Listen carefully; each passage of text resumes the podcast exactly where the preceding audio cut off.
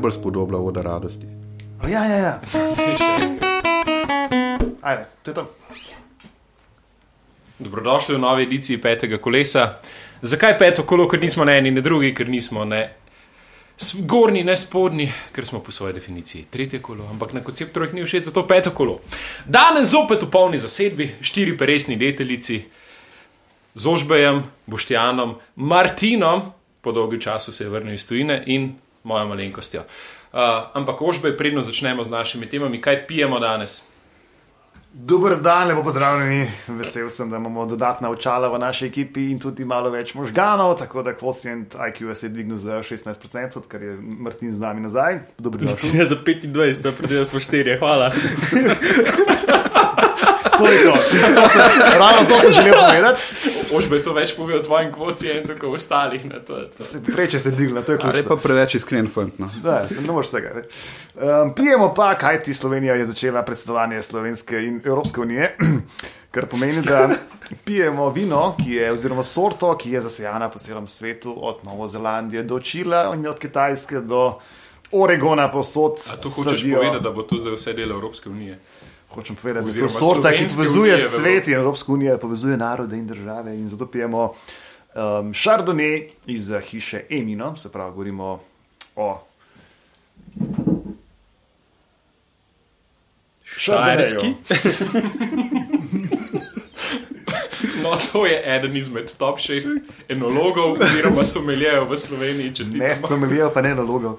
No, eno in tam tam. Torej, ja, no, zadruga Šmarjeno, tako da je v bistvu njihov odličen uh, Chardonnay uh, in tako, ker Chardonnay povezuje svet in, in ljudi, tudi mi pijemo danes Chardonnay.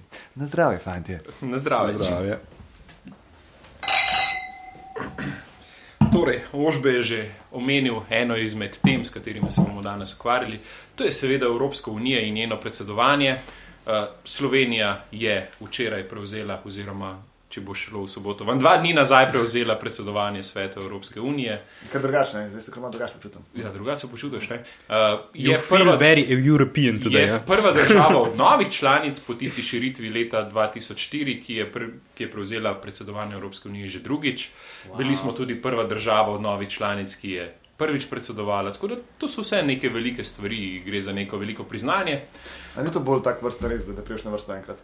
Uh, je vrstni red, ampak vseeno smo prvi prišli na vrsto. Ne? Prvi so drugi še na vrsto. No, bolj, bolj kot res uspeh Slovenije je to uspeh enega slovenskega politika, da drugič predseduje Evropski uniji. Ja, to je res edini, ki je v imenu Slovenije predsedoval. Je... Pa ne bomo o imenih, ne? Ne Ne bomo to skriti, ne ja, ne, ne bomo. ker smo dobili eno ponudbo, da ne smemo tega omenjati, Ne, zato se to- držimo Danes tega. ne bo tako kaznovakovo, a veš. Tako, ja, imaš prav, super, super. A sem mislil, da je dal odlazek ponudbo, ne Novakov. Dobro, torej, fantje, kaj pričakujete od tega našega predsedovanja svetu Evropske unije? Mogoče en hiter krok, prva misel, ki, oziroma prva stvar, ki vam pride na misel, kaj je to? Pa začnimo tokrat z Martinom, nasproti urinega kazalca. A pa če bi ti kot insider, Veliko ne, ki dela. Imaš, ko, ko imaš mezince, Rekaj, prvo misel, čakaj, prva misel je veliko dela. To je to, za prvo misel. Tako da boš ti izvoli, kaj je tvoja prva misel. Ja, en izgon, se že, že včeraj ponudil. a? Ne vem, ponos. No, užbej. Ti si pa predvčerajšnjem že Ja. povedal. Misel o predsedovanju ni, želim si samo čim manj problemov. Ne, to si Misel, želi. misel je neproblematičnost. evo. Ne nam ta Janša čim manj zakuha, ali kaj. A zdaj sem pa že Janša omenil. Bomo pa zelo zelo zanimivi. Jaz bi tudi rekel tukaj, da gre vendarle za neko zlato priložnost, da pustiš svoj otis tam, ker ga, ker ga mogoče prej nisi deset let med prvim in drugim predsedovanjem. No, pa dajmo zdaj našega senior correspondenta iz To, eh, središča to- Evropske to unije čakali, vprašati, ja. kakšen vtis namerava Slovenija pustiti. Mislim, jaz mislim, da Slovenija ima eno veliko priložnost, zato ker veliko po medijih spremljamo dejansko dve ali pa tri teme, ki se jih svalka non-stop po medijih, uh, ki pa v bistvu so. Z, imajo zelo majhen vpliv na realno življenje evropskih državljanov. Namreč Slovenija bo hkrati vodila pogajanja oziroma pogovore o približno 170 zakonodajnih aktih, in organizirale na to temo več tisoč sestankov in tako naprej.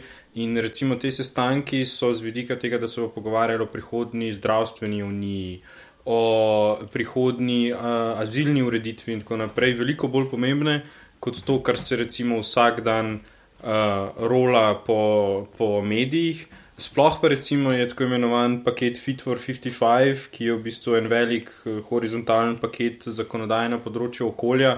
Ena od stvari, ki bo recimo definirala, če ne nas, pa gotovo naslednjo generacijo, kar se tiče okoljske politike za Evropsko unijo. In to so ene stvari, se mi zdi, kjer Slovenija um, ima priložnost, da upravi dobro delo in to je dobro delo na, v vlogi um, pravičnega posrednika in pravičnega v bistvu um, voditelja pogovorov. Kar je v bistvu naloga predsedujoče. Tukaj ni, to je tudi razlika recimo do, do Lizbonske pogodbe oziroma po Lizbonski pogodbi, um, da je veliko manj v fokusu država sama, ker je veliko stvari pač na samem svetu uh, Evropske unije oziroma generalnem sekretarjatu. Tako da jaz mislim, da tukaj pa Slovenija ima odlično ekipo. Ne? Mi, naši uradniki in diplomati bojo upravili svoje delo, ne glede na to, da vlada bo ali vlada ne bo. Ne? Tu, če recimo imamo nekaj fajn, imamo več, spet se vidimo, nekaj zdaj pa če spet v ekipi. Ne? Ampak spet vprašaj, čeprav mogoče ne smeš odgovoriti na to vprašanje, um, kako dobro pa je Slovenija pripravljena na to predsedovanje, če nisi lahko popolnoma politično korekten? Mislim, jaz v Hecu pravim, da mi smo super pripravljeni, še boljš pa bi bili, če ne, ne bi šli Britanci ven, ne, pa bi imeli še pol leta več. Ne. Med vrsticami je lepa, lepa. lepa ja, ne, pol bi imel že drugo vlado, ki, bi bila, uh, ki ne bi imela časa na priprave, tako da mogoče nam je. No, po drugi strani pošlo. pa ja, bi imeli pa, bi pa par mesecev pred volitvami, kar bi bo, bo situacija recimo za francoze, ki prevzamejo za nami. Oni imajo spomladi takoj volitve in se vidi, da imajo že zdaj določene stvari načrtujejo tako, da pač jih ne bojo mogli peljati, zato ker bojo pač volitve. No, viš, torej, Angliži so nas smelo mislili že leta 16. To, po moje, zaradi tega so šli ven, ker so ja, to zračunali naprej. 45. to je Bogovica zmena z Johnsonom, če me ne prešaš. Ne, to no, je bilo upravičilo za leto 45. Mogoče samo en podnapis uh, Fit 55 je načrt Evropske unije, da bodo leta 2050 znižala izpuste za 55 odstotkov in bo postala popolnoma zelena in še bolj zelena kot je danes. Uh, to je ena. Druga pa mogoče mene zanimiva ena misel, ki jo Martino meni in sicer to je Slovenija bo odigrala vlogo pravičnega posrednika med interesi različnih voditeljev Evropske unije. Pa zdaj mogoče vprašanje hodičevega advokata, ali lahko naš premijer odigra vlogo pravičnega posrednika, pa ne za Martina, ampak za mogoče druga dva sodelujoča v debati. Jaz mislim, če še kaj še tako dobro film, če posname kot je bil zadnji, da mu to ne uide. Diplomatski odgovor, Ožbek. ja, ne, klej je, um, mislim, da uh, Janša že pokazal en, um, en občutek v, v zadnjem letu, pa pol, kar, kar je spet na oblasti v Sloveniji z vsemi sestanki, ki jih je imel na evropski ravni, se je pač pokazal kot en od najbolj izkušenih uh, voditeljev držav članic Evropske unije in mislim, da bo to lahko tudi glede na to, da ima to izkušnjo um, iz leta 2008, lahko zelo dobro izpeljal. Si pa predstavljam, da tako kot je bilo nekako že uh, med vrsticami povedano, um, dejanska vloga Slovenije tukaj ni prav zelo velika, ima neko, kako ne rečem, um, bolj. bolj um, Ne vem, da, da, da uh, ne, neko vlogo enega, enega, enega spodbojevalca pogovorov, kot pa načrtovalca ali pa usmerjevalca. No, mogoče še ena pikra pripomba. Janša je tudi dal včeraj na tem sestanku na bledu vedeti, da mogoče evropskih socialistov ne gre imati preveč resno. Haha, šala. e, to se je eno dobro razdrl, zdaj pa. Sem razdrl, drugač pa še druga dva podnapisane. Um, kaj se je spremenilo med prvim in drugim predsedovanjem, je to, da se je zgodila vmes Lizbonska pogodba, ki je A. predvidela šefa Evropskega sveta, to je tisti Charles Michel, ki je tako lepo po francosko zaželel Slovenijo vse najboljše ob proslavi, ob njenem rojstnem dnevu. Uh, on, koordinira ne, on koordinira delo Evropskega sveta in tukaj je vloga Slovenije mogoče malo manjša. Uh, Eh, in tudi pri samem usklejevanju evropske politike se je zadeva, zelo, evropske zunanje politike se je zadeva zelo spremenila, saj smo dobili visokega predstavnika za skupno zunanjo politiko, to je Josef Borel. Uh, včasih so te naloge upravljale države članice same. Tako da mogoče tukaj ta nižja vloga, mogoče ne tako pomembna vloga med predsedovanjem, ampak še vseeno vlogo posrednika. Uh, kako bodo pa izgledali po novem odnosi, recimo odnosi z nizozemsko pod našim predsedovanjem? Smem eno drugo vprašanje. No, ja. Um, pač se mi je lepo noč našega, no, ker je to redko zadnje čase tukaj. Ne? Ožbe je klasično, sprašuje. Tako ja, v moderatorja smislu- V smislu, uh, pač, kako pa ti, zdaj si ga že nekaj mesecev, ne? um, kako in na kakšen način je sprejeta Slovenija v zadnjih mesecih, pa odkar je ta vlada zraven. Meni dosti folka iz Brusla in tudi, se pravi, ne samo slovencev, tudi tujcev sporoča takšne drugačne novice ali zaskrbljenost ali karkoli že. Torej, eh, tudi po zadnjih dveh dneh ne, je prišlo nekaj, jim rekel, eh, e-mailov iz Brusla, um, kaj se točno dogaja tukaj. Ko pa ti, kot se pravi človek, ki to sicer spremljaš, v nekem smislu tudi sooblikuješ, um, kako vidiš na Slovenijo iz bruselskega pogleda. Mislim, jaz mislim, da je vprašanje, koga vprašaš to. Ne? Ker pač, če vprašaš ljudi, ki so nam recimo, površinsko zanimajo o zadevi in pač vsak dan recimo, preletijo naslovnice, pač bodo dobili popolnoma drugačen vtis o tem, kaj vse je Slovenija. Kot nekdo, ki se recimo na svetu ali pa z, je delu, dela na nekem stalnem predstavništvu za neko, drž, za neko državo, um, ukvarja z neko zelo specifično temo. Ne? Ker ti človek, recimo, če vzamem spet za primer uh, ta okoljski, okoljski paket ali pa zdravstveno unijo, recimo to so strokovnjaki, delegirani iz držav, ki pač delajo v bistvu za našo javno upravo. Pogovarjajo, ne so uslužbenci ministrstva, recimo zdravstvenega ministrstva, notranjega ministrstva in tako naprej, in se pogovarjajo s svojimi podobnimi ljudmi, a ne na, na drugi strani. In te ljudje popolnoma drugače vidijo Slovenijo, vidijo tudi to, kaj je sposobna narediti na tej ravni. Ker veliko ključnih, recimo, temu pogovorov ali pa dogovorov. Um, se dogaja na tej ravni. In tukaj Slovenija slovi predvsem po tem, da je sposobna upraviti svoje delo tako, kot se gre, zagre. a ne. Potem je pa ta drug nek politični nivo, kjer je pa velik nekih um, preigravanj, pa novinarskega pritiska in tako naprej o istih treh, štirih vprašanjih. In jaz recimo iz vidika svojega dela lahko rečem, da pač tisoč prvič odgovarjamo na ena in ista vprašanja, situacija se na, ne spreminja, ne? Ampak hkrati, ja, hkrati pa, če smem reči, pač. Um, pojasnilo je pa velikokrat sprejeto z kontra že oblikovanim mnenjem, ne, ki je pa oblikovano na podlagi nekih zelo polovičnih ali pa delnih informacij, prejetih iz pristranskih virov. ne. In to je, mislim, da glavni problem Slovenije, mogoče to, da se dolgoročno, tudi ko ne predseduje, ne, ne ukvarja z Bruslom. Ne, recimo v Bruslu je preko tisoč akreditiranih novinarjev, v času, ko ni predsedovanje, uh, za stike z mediji v Bruslu na stalnem predstavništvu skrbi ta ena do dve osebi. Jaz mislim, da je tukaj vprašanje tudi fokusa Slovenije, uh, čist z vidika naroda, z vidika ugleda države, koliko vlaga v svoj ugled tudi v času, ko ne predsedujemo. Ker neke odnose z novinarji, nek vtis o državi ali o politiku ali o predsedniku vlade. Pusti neka dolgoročnejša aktivnost, kot zgolj polletno predsedovanje. Je pa res, da Um, naš predsednik vlade ima pač neko svojo medijsko strategijo, ki jo zasleduje. Uh, določene stvari, tudi danes, recimo, je bilo zelo zanimivo, um, da si vzel čas za tuje novinarje. Zdaj imamo v Sloveniji 50 tujih novinarjev na obisku in se je v bistvu usedel na srečanje z njimi in rekel: Sprašujte, dokler vas je volja, jaz bom odgovarjal, dokler boste imeli vprašanja. A Ne, to je nek odprt uh, pristop, ki ni ravno značilen, sploh za raven ne, predsednikov vlad, ki imajo zelo omejen urnik. ne. Tako da, seveda, je pa potem vprašanje, ali so vsa, vse odločitve, kako se na vsa vprašanja poda odgovore, si ne bi želeli slišati nekaj drugega, ali pa sploh z pijarovskega vidika slišati mogoče drugače, ampak dejstvo je, da vsaj a, recimo temu, da konstantno zasleduje nek cilj. Tako da jaz mislim, da so tam maili, če se vrnemo na poln cikl nazaj, maili zaskrbljenosti, velikrat lahko plot predvsem te površinske informiranosti. a ne.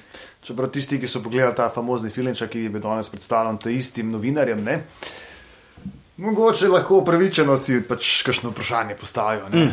Ker tisti zdaj Jaz mislim, da predvsem- je tako Ali ga pa ne domišljen, razumejo. doteran. Gre Jaz za mislim, da je interno predvsem zadevo. to. Ja. Ne razumejo. Ti kot recimo slovenski se kar nekaj ukvarjaš z politiko ali pa celo z zgodovino naše politike, lahko razumeš marsikatero referenco, ki je tam noter nakazana. Ne. Kot nek recimo poprečen francoski novinar, ki živiš v Bruslu in pokrivaš evropsko politiko. Zadnjih, ne vem, pet let in si star, ne vem, med 35 in 45, ta video je lahko ti tudi hieroglife kažem. Ne? Um, in tukaj je zdaj tudi vprašanje taktike, je to smotrno ali pa ni smotrno, ampak to so vprašanja, recimo, temu, da nad mojim plačilnim razredom. Ne? Šlo je pa za Filičane, ki ni bil, uspel, ki ni bil prikazan takrat, mislim, da na zaslišanju Evropskega parlamenta, če se ne motim. Ne? Mm, No, mene bolj zanima, kaj, kaj, tudi. kaj bi mi lahko predlagali gospodu Janši. Na, na kakšen način pa naj te hieroglife zdaj Pa, pa pojasni? se je rekel, da ne? je to nad njegovim Kaj- kaj je njegova- no. Ja, ne, klej imamo uh, zelo brihtnega obja. Ne? Uh, imamo še ni prebral eseja, palata. Weil, ne. In pač, kaj, kaj zdaj tukaj plošča iz rozete, ki bo to, te hieroglife razvozljala? Jaz lahko rečem, že včeraj sem rekel, um, mogoče v enem izmed medijev. Meni je mogoče malo škoda, ker se s tem načinom, da nagovarjaš ti lastno volilno telo, oziroma da nagovarjaš lastne volilce, in mogoče kdaj pozabiš, da si predsednik vlade vseh slovencev, ne le tistih 20-25 odstotkov, eh, ki jih moraš nagovarjati, oziroma pozabiš na to, da bi določene stvari lahko z veseljem ali pa z lahkoto odbil nazaj ne, na njihovo stran, če, če uporabimo ta teniški izraz odbijanja žogice. Ne. In ti bi lahko na vse te provokacije, ki se pojavljajo, te stvari dal. Jaz tudi rečem, pričakovanja verjetno vseh novinarjev, pa tujih politikov, sploh te, ki so mogoče drugačne politične barve kot, kot je naš premijer, so bila verjetno tudi v iskanju nekih zapletov, nekih provokacij, nekih takih zadev. Glej, vendarle novinari morajo pis- pisati velike zgodbe in če je zgodba, da je že prvi dan nekdo zapel z nekim vidnim evropskim politikom v, v funkciji šefa predsedovanja, potem se bo to pisalo in se, bo, in se bodo te novice brale. Tako isto z evropskimi politiki. Ne? A veš, te ljudje so na koncu dneva vendarle politiki. Če smo imeli fact-finding mission petih evropskih poslancev v Sloveniji, za, za katere vemo, da je to pet evropskih poslancev od 705 evropskih poslancev, lahko tudi vemo, da so te ljudje na drugi strani vendarle politiki na koncu dneva in da, da ni lepše priložnosti, kot se profilirati proti nekemu človeku, za katerega veš, da je emotivno odreagira na vsako provokacijo, ki jo ti izpostaviš in bo začel zdaj predsedovati Evropski uniji. Imáš potem zelo veliko verjetnost, da se bo znašel v nekih medijih in boš na tem lahko zgradil neko svojo politično podporo. Pod vprašanje. Tako da jaz tukaj mislim, da je- Pri tem res za emotivnost ali gre za dnevno politično notranjo politiko. Jaz mislim, da gre v veliki meri za notranjo politiko. Se to sem na, na začetku mojega vprašanja, probo nekako nakazati, oziroma odgovora, probo nekako nakazati, pa odgovoriti na to. E, S tem, ko sem rekel, da, da kdaj pozabi, da nagovarja celotno javnost, ne samo tudi celotno slovensko, ampak v tem trenutku s predsedovanjem tudi celotno evropsko javnost. No, in tukaj tudi se mi zdi, da glavna stvar, ki je v bistvu v narekovajih uspela aktualni opoziciji slovenske. Ne? To, da je stvari, ki so zelo specifično slovenske in stvar naše nacionalne politike, uspešno izvozila v Evropo, ki se zdaj preko politično profiliranih, um, kot smo slišali, evropskih birokratov, danes vrača nazaj v Slovenijo kot problem Evrope oziroma evropska tema. Ne? In pozabljamo na to, predvsem recimo novinari, recimo temu, da to pozabljajo nenamerno, um, to, da so pač teme, o katerih se bo odločali z- na ravni Evropske unije tekom predsedovanja, nekatere sem že prej omenil, so lahko so bojo zelo pomembne za prihodnost državljanov in bi mogli pogovarjati se o državljanih in jih informirati državljane te teme.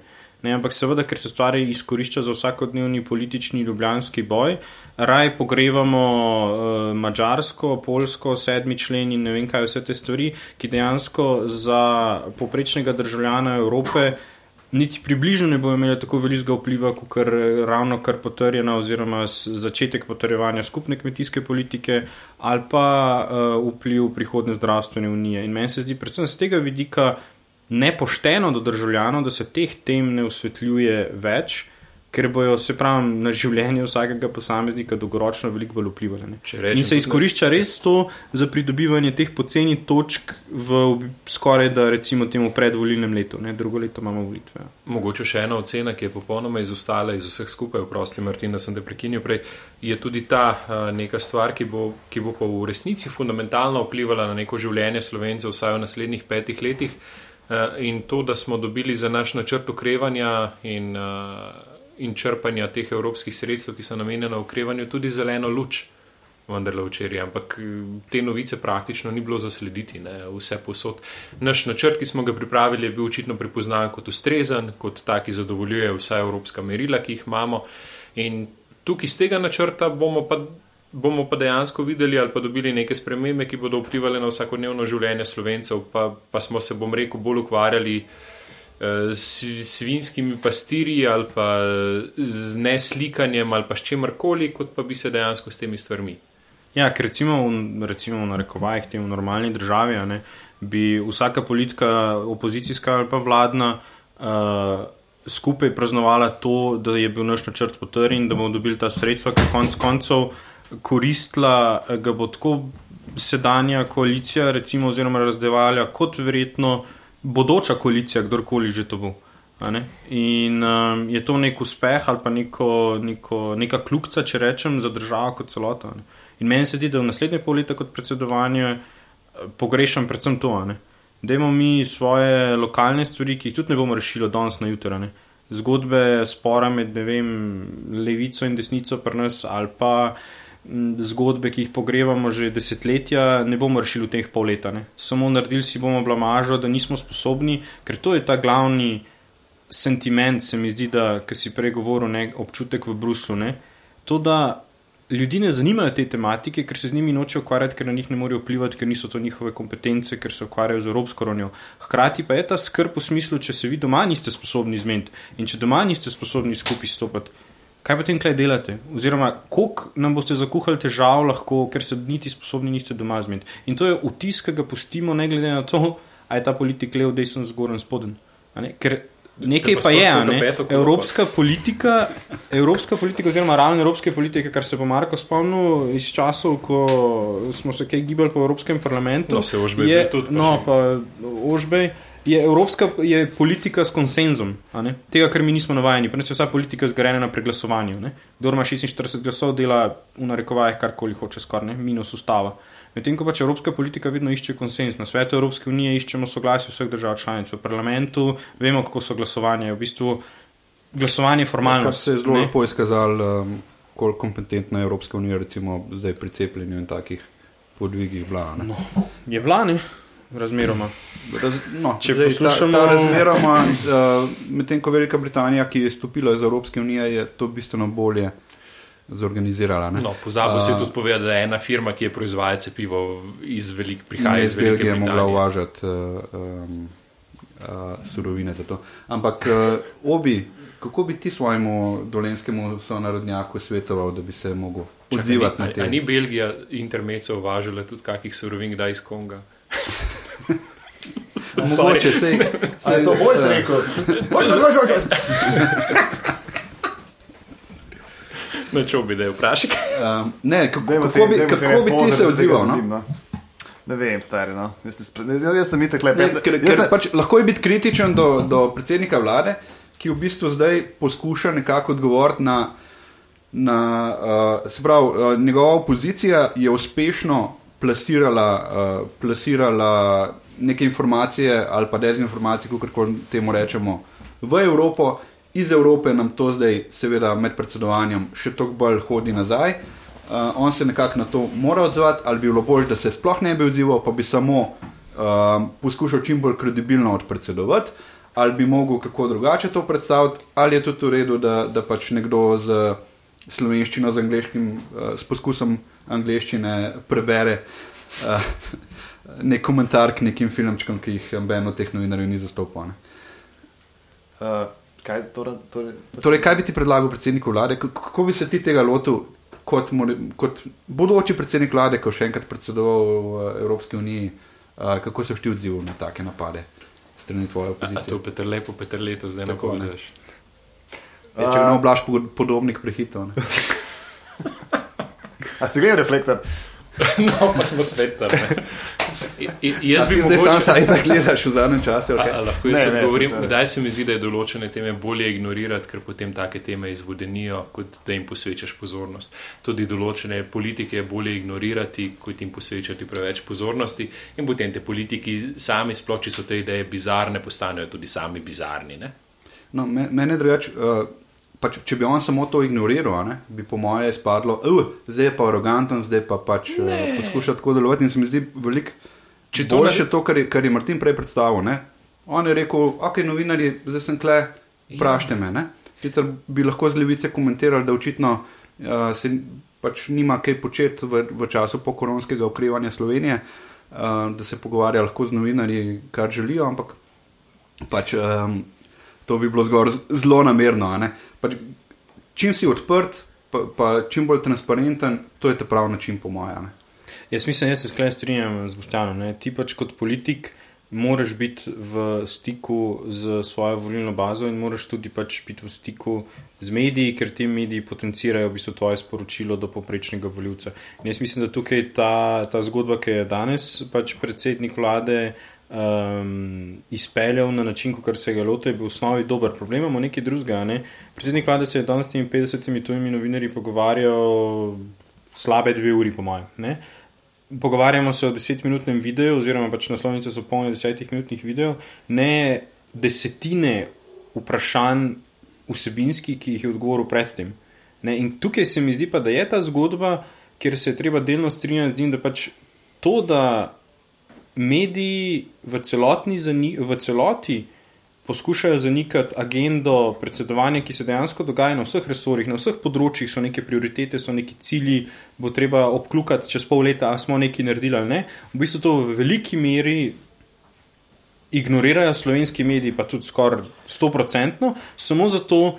Se pravi, da se pogrejo neke 3-4 stvari, ki so v bistvu Ja, ampak minorne. ti veš, da se bodo te provokacije pojavile, če bi to z nasmehom odbil, bi verjetno potem tudi nekateri izmed teh medijev uporabili, ker ne bi imeli uporabiti za drugega, kar zdaj pač lahko uporabijo, ker si jim dal na pladno provokacijo, bi lahko uporabili tudi kakšno vsebinsko stvar in to potencirali naprej. Vse tisti, ki bo hotel tebi slabo pisati, bo že od začetka pa prišel z nekim prepričanjem, bo v vsakem primeru tako napisal novico. Ne? Ampak ti mu moraš dati. Glej, saj moje, pa mogoče naivno prepričanje, moraš mu dati neko priložnost. Ne? In jaz mislim, da se s takimi, ko do, na določene provokacije odreagiraš s provokacijo nazaj, v bistvu te priložnosti odpoveduješ. Mislim pa se v resnici, če odštejemo m, pač ta, ta video, eh, ali pa recimo, če rečemo zadnjič, ki je bil eh, premijer na, na Bruslu na svetu Evropske unije, ne, si je recimo neznačilno za, za postopek, ki tam poteka, oziroma predvsem za dosedanjo slovensko prakso, si vzel čas in je ob jutranji izjavi, ki jo pač da pred kamero, vzel tudi tri ali štiri vprašanja od slovenske novinarke, ne, ker je stvari zelo v bistvu korektno pojasnil, to, kar si ti rekel v narekovajih odbijanje. Ne? Ampak zato, ker jih je korektno pojasnil, se jih je bolj malo poslal pojavil na naslovnicah. Ne? A veš, to je to. Ne? Tako da, no, vem, Vem, ampak kdaj se ni se treba pravi- pojaviti na naslovnici, a veš? Vem, sem to, jaz ti povem iz osebne izkušnje. Pač, tisoč in eno isto vprašanje v iskanju pač tega, da ti bo enkrat spodrsnil. In se pač prav išče ta, ta, ja. ta spodrsljanje. In to, če mene vprašaš, moje osebno mnenje je, da to ni pošteno novinarstvo. Ne? Seveda sorry, ni, ampak ti si tudi novinar, ima, ali ti si tudi eh, politik, ki ima kožo verjetno debelo tistih 25 cm. In je to to, ne? A veš, pač moraš prenesti take udarce, no, pa take ja. izkušnje. No, absolutno, plus to, da mora on v, v teku volilne kampanje, kot smo prej ugotovili, poskrbeti, da je vsakič na naslovnici. a ne? Pa je dobro, no, redo. DPM ne sponzorju, ožbe kdo nadanes naši sponzorji niso. Tako, dame in gospodje, naši sponzorji danes niso. Če želite drugo Švico, gledajte tekmo Španija-Švica, Evropski, Evropsko prvenstvo na nogometu DO. Te je že konec, Španci so zmagali. A res, jaz Ja. Pa pa ne gleda. Pa, Pa pa ne gled. Da. Naš sponsor tudi ni Janez J. Spielberg, nominacija za Oscarja, montaža SP. Naš sponsor tudi ni ta biser, se sveti kot svinja, a veš, hojs, draguljarna in mesarija, DO.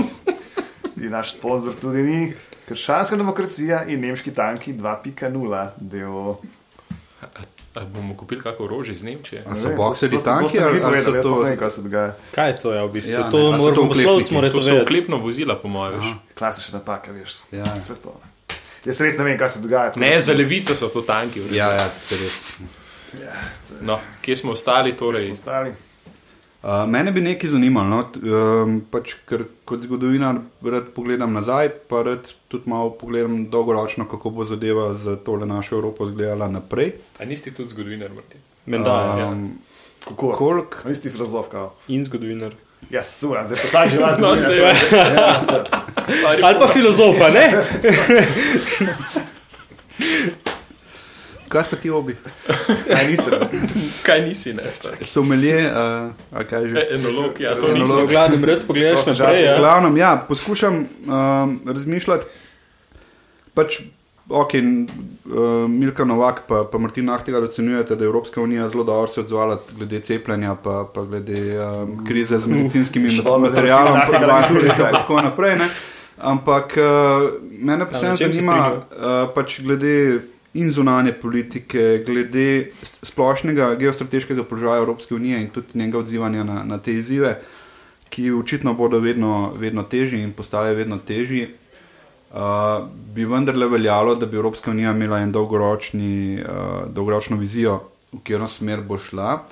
In uh, razmišljam, koliko ima ena Slovenija s tem svojim predsedovanjem ali pa tudi siceršnjim delovanjem v Evropski uniji možnost kaj s- do, doprinesti ne, k, k večji, bolj jasni integraciji. Jaz mislim, da se je zdaj zelo lepo s to koronsko krizo pokazalo, uh, da načelo subsidijarnosti, ki naj bi bilo eno od uh, jedrnih vrednot Evropske unije, ni najbolj urejeno v Pa tem smislu, da, ne? da pristojnosti, no to so pač države članice med sabo pokazale. Ne? Celo Češka je recimo nam posodila. Uh, takrat, ko, ko smo bili res goli in bosi, Ne, uh, maske in tako naprej. Se tudi Slovenija Pač- se je prizadevala za solidarnostni mehanizem pri razdelitvi um, cepiv, cepiv, pa so potem velike države rekle, ja, zdaj bomo pa to razdelili 70-30, vi manjši pa nimate za burek. In potem je Slovenija izstopila iz tega solidarnostnega mehanizma in nekaj cepiv podarila Češki. Tudi to je zagotovo zelo pomemben vidik, ampak jaz tukaj vidim bolj pomakljivost v, ne v tem, da, da niso altruistične velike države, česar pač ne moramo lih nujno pričakovati, ampak bolj to, da ni, nimamo pristojnosti znotraj uh, Evropske unije oziroma pristojnosti med Evropsko unijo, njenimi članicami in pač uh, medsebojnih razmerij dobro zastavljenih, tako da bi Evropska unija se lahko na te krizne situacije odzivala, predvsem pa, kot sem prej rekel, na geostrateške izzive, ki bojo zelo verjetno uh, v naslednjih desetletjih glavna težava za, za Evropo in za, za pač cel svobodni svet. Um, več kot očitno nismo pripravljeni. Ali lahko mi kot Slovenija, se pravi, ali kot Slovenija sploh razmišljamo o tem, um, ali lahko kot Slovenija kaj k temu prispevamo, koliko ima pa neko predsedovanje, najbrž težko karkoli doprinesemo. Mislim, ena od uh, treh temeljnih uh, prioritet slovenskega predsedovanja je tudi strateška avtonomija um, Evropske unije. Uh, skozi, ja. skozi odpornost na področju recimo zdravstva, kar je se je tudi pokazalo, recimo to, kar si prej omenil, ko je gre zdravstvena kriza, je potem ključno vprašanje, oziroma v tem primeru pandemija, uh, kje se proizvajajo stvari, kje se nabavlja materijale, kje se uh, lahko potencialno dvigne proizvodnja, če je potrebno in tako naprej. In to so stvari, ki so zdaj prišle v luči COVID-19 na plano in na katere ne bi Evropa iskala nek skupen dolgoročni odgovor. Druga Druga nismo, stvar, nismo rekli, da bomo tukaj naredili strateške načrte odzivanja na evropski ravni, Ja. ne samo na, na ravni To držav del, članic. to je tudi del tako imenovane zdra- zdravstvene unije, da se v No, bistvu to. izoblikuje um, protokole in v bistvu načine sodelovanja, če se taka stvar ponovi, oziroma ko se bo gotovo ponovila. Tako da jaz mislim, da pač kot uh, recimo temu civilizacija smo um, se nekaj naučili in bomo pač bolj naslednjič bolje pripravljeni, ker se mi zdi, da je itak zgodba civilizacije v, kot vedno. Uh, težko se prepraviš na nekaj, kar, kar ne poznaš, ali pa nekaj, kar v bistvu se ni dogodilo že kar nekaj časa. Ne. Uh, kar se tiče pa se mi zdi, da naprej, kaj Slovenija lahko pridonese, jaz mislim, da največ lahko naredimo to, da to, kar sem prej v bistvu um, začel govoriti, je to, da na tej diplomatsko-uradniški ravni čim več stvari pripeljemo čim dlje. ne. Čim več zakonodajnih aktov, čim več teh pogajanj in tako naprej speljemo, tako kot se zagre in jih pač pripeljemo naprej naslednjemu predsedovanju, predamo čim bolj pripravljene za naslednji korak. Jaz mislim, da to tudi je eno resno pričakovanje institucij in sogovornikov v Bruslu, ne, ne glede na politično dogajanje, ker to je neodvisno od tega. Ne. In se mi zdi, da tukaj se pa pokaže to, da ima Slovenija ali pa katerakoli država članica v narekovajih enak ta fighting chance, da ko prevzame predsedovanje, je odvisno od njenega kadra in tudi politične volje, seveda v tistem trenutku, um, da stvari, ki so na agendi, porine čim dlje po, po, po postopkovni ravni, kot je možno. Um, ja, eno vprašanje imam, ker to pravim zelo površno spremljam zadnje cajtke. Koliko je, mislim, da v prvem predsedovanju, če se ne motim, bil tudi velik podarek na vključevanju uh, Zahodnega Balkana v integracijo Evropske not, unije. ja. Koliko je zdaj v smislu izvedika Slovenije, no? se pravi, ne vem, vira, mislim, vi trije, ki to gledate, koliko je zdaj podarek tudi na temu, na vključevanju, ker konec koncev je tudi zanimivo, da za nami predseduje Francija, ki je imela tudi, oziroma Macron je imel določene specifične izjave glede vključevanja zahodnih um, držav Balkana. Torej, koliko je podarka na temu in koliko je to pomembno za časa slovenskega predsedovanja? Mislim, da danes recimo je bilo zanimivo podarjeno to, ne, da ko smo mi prvič predsedovali, je bil v zraku pričakovanje, da bo recimo Makedonija naredila naslednje korake že takrat k malu na poti k Evropski uniji, pa je v bistvu od tega zdaj 13 let, pa, pol, pa so še vedno stijo praktično na miru. Ne. Zaradi bolga, bolgarske blokade, začela zelo, zelo. Ja. Ja, ne, zaradi bolgarske briga- eh, blokade, ki je čisto eno realno politično vprašanje. Ne, kakšna bo naslednja bolgarska vlada, kjer se ji tudi obetajo kmalo volitve. Ne. Recimo, kar nekaj bo od tega odvisno in čist s to realno politično situacijo, kakršna koli bo, bo treba pač delati. Ne. Mi tukaj imamo lahko velika pričakovanja, velike želje, ampak konstelacija bomo pa videli, kakšna bo. a Ne. Tudi realnost je nekaj. Koliko pa je podarka na temu, mislim, da se pravi. Je, koliko- to je ena Ne, ena od ključnih prioritet je, usmer, Zahodni Balkan. je Zahodni Balkan vsaj postaviti više na prioritetni lesvici, ker zaradi finančne krize, zaradi COVID-a in tako naprej, pač ta tema in še katera druga padla zelo nizko po dnevnem redu na vzdolj. Um, ker realnost je pa tudi to, to kar um, je ideja. Že v osnovi ustanovnih očetov Evrope, ne Evropa cela v miru s samim seboj in v sodelovanju z drugimi partnerji. Ne. In dokler mi Balkana ne uspemo integrirati na nek način v Evropsko unijo ali polnopravno članstvo ali kakšna druga ideja, ki tudi se kroži naokrog, uh, to kcajta Evropa ni cela. Ne. Mi imamo tukaj eno veliko luknjo, ki je geostrateško pomembna. ne. In ker bi lahko Slovenija zauzela svoje vloge in očitno nekdo take ideje ima, če smo dali to med, med prioritete. Ampak jaz bi izpostavil še eno drugo prioriteto, ki pa lahko bistveno vpliva na prihodnost Evropske unije. Eh, In sicer v času predsedovanja Slovenije se bo zagnala tudi konvencija o prihodnosti Evropske unije. In Slovenija bo tista prva, ki bo te pogovore vodila, verjetno bo potem Francija to potencirala na, na peto potenco. Ampak vendarle so tukaj škare in platno v naših rokah, da lahko določimo vsaj način, kako se bo to izvajalo.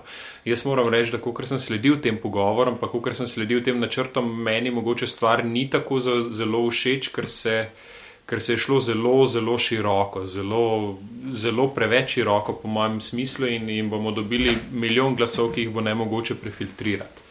Uh, tako da bi vseeno raje videl, da tukaj nekdo prevzame inicijativo. Kako in- se je pa zastavil, sorry, ne vem. Uh, zastavili se je tako, da praktično vsak iz civilne družbe ali pa vsak posameznik ima možnost, da se priglasi in da nek svoj predlog. Te portali so že odprti, pejte si jih pogledat, lahko podate. Podobno tudi svoje kot je če vladi, imamo v Sloveniji. ne. Ja, predlagam vladi. Ampak ta stvar je res široka. Ne? In jaz ne vidim človeka, ki, če ne bo kdo prevz- prevzel te štafetne palice in nekdo začel resno delati na tem, se praktično ne bo, ne bo ničesar No, pa se premaknilo. Ne bo se to bomo- ne bo za to 20 let uh, trajalo. Ne, pač, ne, po Ne, je pa en proces, ki je v bistvu eno leto pač že neka v grassroots- zamudi, pa nekaj časa stvar, bo tudi trajalo. Jaz, jaz bom predlagal, da ponovno okupiramo Švico A si gledal, pod Habsburškim vladanjem. Glej, jaz, če bi hotel resen geostrateški vpliv pustiti eh, v Evropi, ne, recimo, ne, bi, bi Slovenija, karikiram, kupila letalo nosilko, šla zbombardirati eh, severni tok 2 med Nemčijo in Rusijo, spravila Rusijo na kolena in dvignila Evropo. In to bi bila taka zadeva. Mimo grede pa Ampak- še Timmermansa kaznovati. a ne? Pa še Timmermansa, ja, ampak šalo na stran. Ne. To si kar res naprej, da se ga malo sprašuje. To ni bilo po neki šalo na stran. Ja. Kako, Ne, je že, ampak- kako je že tiskar, prav Woody da... Kaj pravi Woody Allen, razen 16-letnica? Ne, da ko posluša Wagnerja, da, da mu... Če kaj že, veš, to ima A Ja, več hoče marširati na Polsko. Ja, Tako to je, je če to. posluša Wagnerja, da hoče kar jaz se odpeljati na Polsko. Ne, mislim pa, da konferenca o prihodnosti Evrope bo pa lahko pokazala eno, eno negativno stvar, o kateri smo se pa mi, po mojem, že nekajkrat pogovarjali. Ne? In to je kriza voditeljstva na politični ravni, ne? na, na, tudi na evropski ravni. Ne, če tako gledamo, ustanovni očetje Evrope so bili veliki ljudje, kako koli obrneš, da so nekateri malo niže postavljeni, ampak veliki ljudje v drugih pogledih in so bili voditelji in so bili misleci in so bili državniki. Ne, eh, z krizo političnega razreda po Evropi se pa mislim, da soočamo pač vse države. Ne. Kvaliteta politikov, ki niso državniki, oziroma politiki, ki pridejo na mesto državnikov, pa zato niso uh, najbolje usposobljeni, je po mojem ena stvar, ki smo se mi že večkrat o tem pogovarjali, s čimer se tudi v določenem segmentu sooča Slovenija in mogoče bo konferenca v Evropi odprla tudi to gnojno jamo, o kateri noben oče govorite. Kakšen je model prihodnega političnega vodenja? Ne? Ali so to, kar imamo danes, res voditelji primerni za jutri Evrope? Se, to je v bistvu glavna pomakljivost te, te Evropske zveze. Ravno v tem, da vedno računaš na to, da boš imel odgovorne in, in močne osebnosti na vodilnih položajih, je precej lahko miselno. Ne? Problem je ravno ta, ker nismo močnih ustanov na ravni Evropske unije vzpostavili, ki bi lahko delovali brez teh nekih um, vizionarskih voditeljev na čelu, vsaj glavnih ključnih držav. Ne? No, vem, sam po mojem osebnem mnenju je pa v institucionalni okvir Evropske unije zgrajen glih s to idejo, ne? da bo institucija kot neka imaginaren pojem nadomestil močne voditelje, ker vemo, da močne voditelje tudi lahko kdaj zapelje kam, med drugim tudi na Polsko. In pač um, je to nek mehanizem, ki ne bi to preprečil, ampak hkrati se pa zdaj so, soočamo s tem, da nam v bistvu vladajo birokrati. Ne?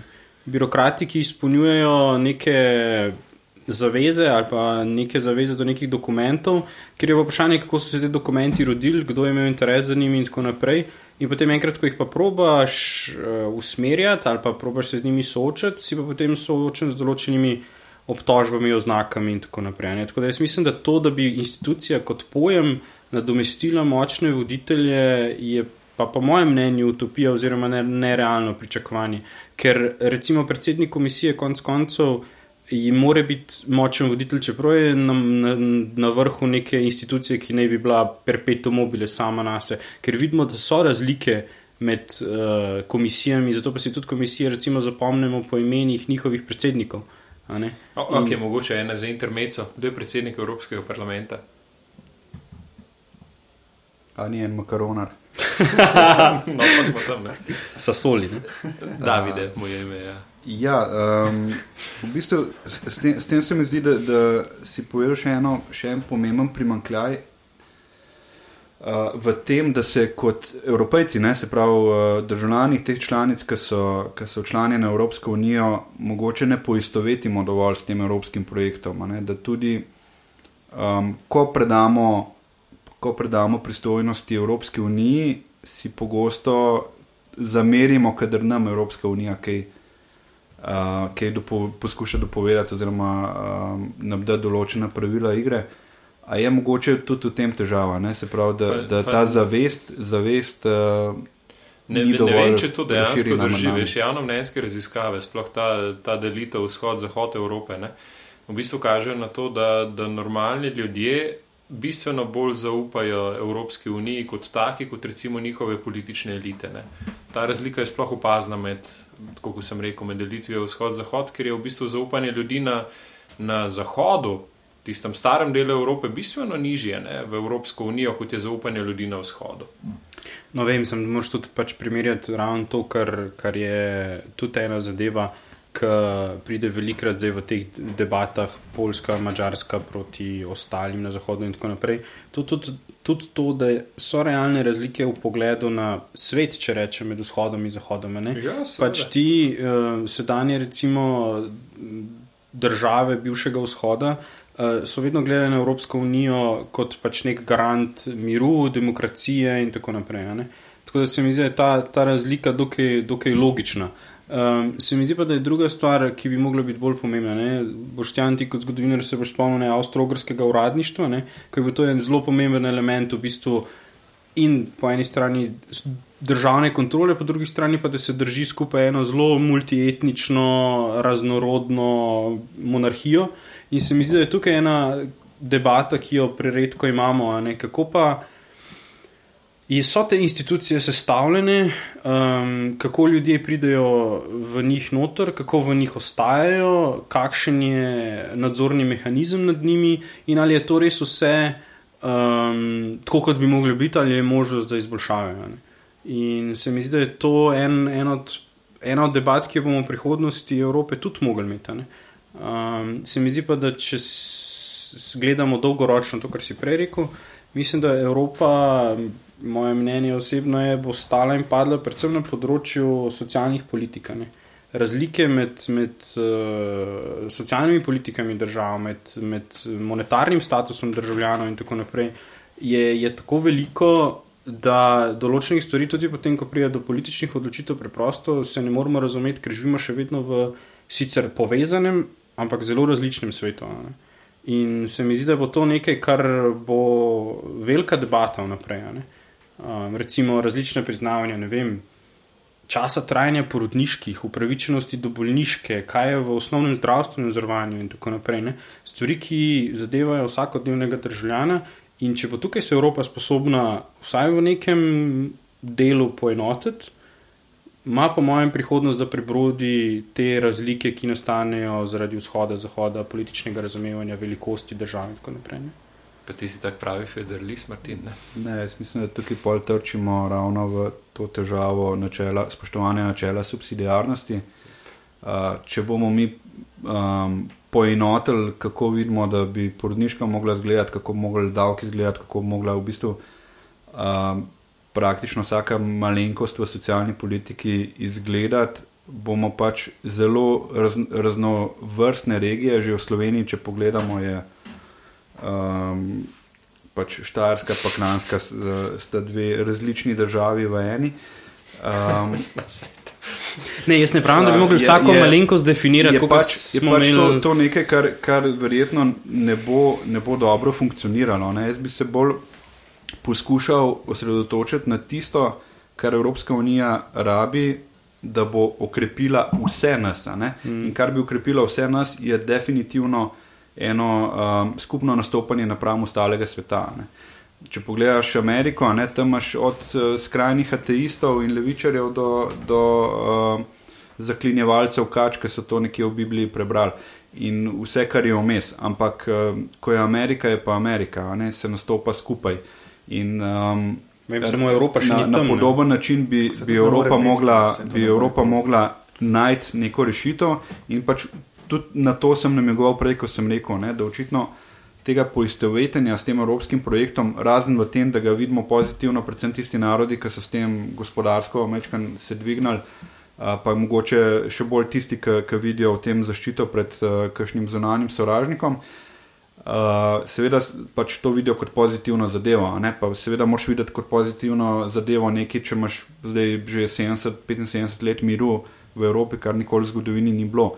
Ampak uh, ene tiste zavesti, ki, ki bi nam pa dejansko dalo, dalo občutek, jaz sem pa evropski državljan, poleg tega, da sem slovenc, poleg tega, da sem uh, Ljubljančan ali pa Kranjec, kar smo sicer že malo pozabili. Uh, te, tega pač ni, je premalo in, in se bojim, da to, zaradi tega ni nastavka, da bi lahko Evropska unija um, dejansko spostavila tiste mehanizme, ki bi jo uh, na, na svetovnem zemljevidu obranile pred izzivi, ki, ki jo čakajo, ne, v katerih No. v bistvu že smo. Ampak jaz mislim, da pripadnost, o kateri si ti govoril, ne, pač recimo ne bo ji dala. Te pripadnosti ne bo pridobila, po mojem, preko nekih soočenja z nekimi geopolitičnimi izzivi, ki jih 90% prebivalcev Evrope niti približno ne razume, še manj razumejo to, da se jih to zadeva. Ampak, če pa malo vprašaš poprečnega slovenca določene generacije, kaj mu je dala Evropska unija, ne? Uh, ena generacija ti bo rekla Erasmus, druga generacija bo ti bo rekla pa to, da ne bomo več plačevali uh, za telefon na Hrvaškem. Ne?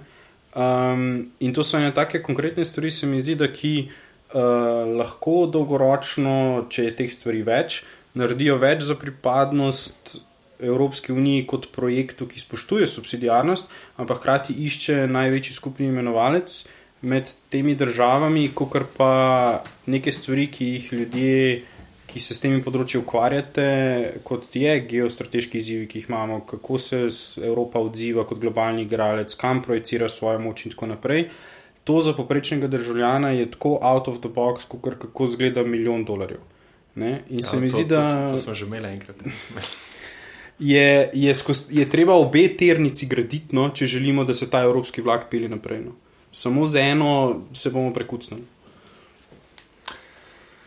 Ja, A moramo malo citirati tega avtorja. Ne, Treba- No, Dej, dej, no, no, dej, Da je, no, ajde, dej, citiramo, no. da je, no. Malo pozno si danes. A ja, tako se je, Ja, Sim- danes- Simone danes sem Val bolj še ni tih, danes prebral sem do res bolj konca, tih. tako da brez skrbi. Ne, um, pač tale, ne, Bobby Kagan je napisal ne, Power in Paradise, ki primerja v bistvu Ameriko kot power ne, in zaradi tega powerja se je lahko Evropa razvila v Paradise v smislu socialne države in vsega ostalega, ki je, ki pač je Evropa.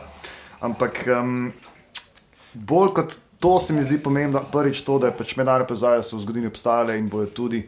Ampak na koncu dneva od Vestfalskega miru naprej, 1848, mislim 1648, govorimo o nacionalnih državah in to, to so še vedno ključni tvorniki te zveze oziroma unije. In mislim, da tle um, nacionalne države pa imajo svoje interese in znotraj njih tudi ljudje. In ta gradnja Evrope je lahko pragmatična, um, ponovadi pa gradimo nekaj, kar želimo skup graditi. In če želimo nekaj skup graditi, moramo imeti tudi podobne vrednote in si približno želeti podobne stvari. In jaz tukaj samo zato, da gradimo Evropo zaradi same sebe, se ne vidim smisla, če nidimo temu vsi tudi nekaj dobrega in nekaj pozitivnega. Ne. In pragmatizem Erasmus Plus in uh, cenejši klic iz Hrvaške, seveda, vedno bo, ampak mislim, da bi to ideja tudi malo širša od same te pragmatičnosti. Kakorkoli pa še vedno nacionalne države, nation states obstajajo in v bistvu mislim, da je tukaj preveč njim vzemati moči in suverenosti, se mi tudi ne zdi včasih najboljše. Torej, če vaj povzamem, povežimo Evropo. Pa je zdaj še 45 minut, zdaj že vse lepo, kjem komada ga zašpilamo zraven. No, se mogoče tik pred koncem, ne, eh, pred zaključkom tega podcasta, kjer smo probali vendarle nakazati neke, eh, neke dileme. Neke dileme Evropske unije v prihodnosti in tudi slovenskega predsedovanja v prihodnosti.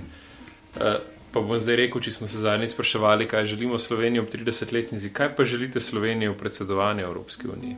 Kaj, kaj je tisti nek cilj, če smo začeli s tem, kaj, eh, kaj Slovenija lahko doseže, oziroma kje vidite priložnosti? Kaj pa je nekaj, pa bom rekel zdaj po tem pogovoru, neka refleksija, kaj pa je tisto konkretno, kar si pa dejansko želite, da bi dosegla? Če spet- Eh, Čaka Slovenija znotraj predsedovanja. Ja, zdaj le, v tem pol leta, ki prihaja, dokler Macron ne Zadnjič je- prevzame. Zadnjič je en, en iz Moldavc rekel, da življenje, mislim, kaj že smisel sreče v življenju je to, da imaš nizka pričakovanja. Um, oziroma, s tem dosežeš srečo v življenju. Uh, jaz nimam visokih pričakovanj, brez zamere, draga Slovenija, z dve, dvema milijonama prebivalstva in vsem ostalim, in aktualno vlado, ki ni najlepše zapisana v Bruslu, mislim, da ne bom kaj preveč pričakoval. Upam pa, da bo uspešno predsedovanje, da bomo dobri in lepi. In Ne, da kako bo se je lepo Evropa diplomatsko zapomnila, ne. Eh, da se bo Evropa zapomnila ta odlične pol leta. In predvsem, kot je že prej Martin omenil, če bomo znali nekako definirati vsaj idejo um, ali pa način komunikacije za skupno prihodnost, mislim, da bo to že kar velik. Plus, če znamo še malo spromovirati naš Zahodni Balkan, da bo to više na prioritetni listi, bom že kar zadovoljen. Se misli, da boš vina promoviral. Ne? Ja, se res, letos smo, letos smo evropska gastronomska regija in ti nisi še nič prop tega prodati. ne. Ja, to je, to moramo se ga naenkrat. Ne? Ja, očitno rabi pomoč, ta ekonomist. Ampak uh, ja, jaz bi rekel za Slovenijo, uh, upam, da se kaj dost uh, realnega ne bo storila, ampak uh, upam, da ne bo med tistimi državami članicami ali pa voditelj, naša vlada ne bo med tistimi voditelji članic Evropske unije, ki bi uh, ne razumeli um, osnovnih vrednot Evropske unije, uh, osnovnega namena, zakaj je nastala in kor, korenin iz katerih je nastala, kar smo tudi v filmčku v Zdravljici videli. Uh, in um, nekako pričakujem, da, da s to vlado ni pričakoval, da bi skrenila od teh osnovnih vrednot. Tako da pač bi rekel, da. Um, Ti si še Ja, pesimist. načeloma ne, načeloma, načeloma Upam, da bo Slovenija Evropska unija ne bo skrenila iz, iz vsega. Ne, ne, evropske, pač določeni voditelji pač ne razumejo več, uh, um, zakaj je Evropska unija sploh nastala in zakaj je to tako uspešen projekt. In um, tukaj se smo pregovorili, pač kriza, kriza um, voditeljstva je pač na vseh ravneh. V primeru trenutne slovenske vlade jaz tega ne vidim, pač kljub temu, da smo lahko marsikdaj kritični, ne vidim v tako strašni luči. a. Mm, jaz za Slovenijo si želim predvsem to, da bi. Mir si želim, Da mir na bi- svetu. Ne, ampak da bi um, potem, recimo, začetku, kakršen je bil, uh, otresla ta, recimo, uh, prah z svojih čelov in stopila na pot uh, enakovredne članice uh, Evropske skupnosti, Evropske unije, uh, ker to je in agendo, ki si jo je zastavila, poskušala izpolniti, in hkrati razumela, da pač, če so um, ideje različne, če so mnenja različna, um, je naša naloga to, da najdemo skupni imenovalec in da skupaj ta vlak, če že pravim, isto prispodobo, uh, porinemo svojih uh, nekaj centimetrov, metrov, koliko že naprej. Uh, in da pri tem um, ne pozabimo same na sebe, in uh, za voljo doseganja nekih administrativnih ciljev um, ne naredimo nečesa, kar je v bistvu kompromis do nerazpoznavnosti. Ne? In se mi zdi, da vlada, taka kot je, um, čeprav recimo je manjšinska in tako naprej, ampak z ljudmi, ki jih ima notri, tako v uradniškem rangu kot političnem, ima priložnost točno to. Ne? Kako lepo se je samo pohvalil. Ne, ne, pa se prav, se prav, da se človek sam pohvalno. Zase govori. Ajde, Ti pa jaz sam se- ti vas. Jaz se sam. še ne vem promovirati. Jaz Dobro sem- blago se jaz- samo hvali. Jaz se sam pohvalim, ampak nekdo je omenil, da je bil na reflektorju zadnjič in da gledate to oddajo. Ne, ampak, Uh, Ja, bale je vsaj to, da reče v nekem mediju. a Ja, v nekem delu. Jaz sem rekel, bil sem na investor, bil sem pri požarju, bil Ja, sem ne. tam. Če se vsake tri ure nekje, se ne moramo več slediti. Nekdo pa je rekel, a ste me gledali v reflektorju? ne? Ja, To, se- ne, se- seveda, se- ne. Ja. Še čas je vstal za mojo željo, predno zaključimo. Uh, jaz bi si pa mogoče želel, ker je mogoče tudi izkušnja prvega predsedovanja, da, uh, da vseeno ne bodo pozabili tudi na lokalno politiko, nekateri naši politiki in da se bodo, ne bodo ukvarjali vendarle samo z Bruslom, ampak da se bodo ukvarjali tudi s Slovenijo in probali ne samo za Evropo najti te poti naprej, ampak najti tudi mo moč sodelovanja v Sloveniji in moč sodelovanja, kako bomo uporabili ta sredstva teh, teh laznih milijard, ki so nam bile zdaj dodeljene, zato da bomo izgradili neko lepšo prihodnost za vse. Oh. In potem posledično tudi za prihodnost, kar se opada z ožbevo željo po Pa miru miru po svetu, svetu. pa, ne, in to ja, je ja. pa Ste mene parca za miro svetu. ne? Sam, ne bi bilo boljše, da bi bil slovenski vlak, da bi, da bi bil um, ne vem, kolesarska karavana ali kaj takega. Ta je bila lepa, ja, že pri. Mohoriču čestitamo kot tretjemu slovencu za etapno zmago na Tour de France. Je nulo pa verjetno za današnjo 84. izvedbo kolesarjenja tudi. ne. Glej, dokler smo fiskulturni, je vse v redu. to. Torej, hvala za poslušanje. Uh, slišite nas na vseh kanalih, kjer nas pač najdete. V vseh Eh, in- medijih. V vseh medijih, točno to, vsaj ene izmed nas. ne. uh, se slišimo čez 14 dni.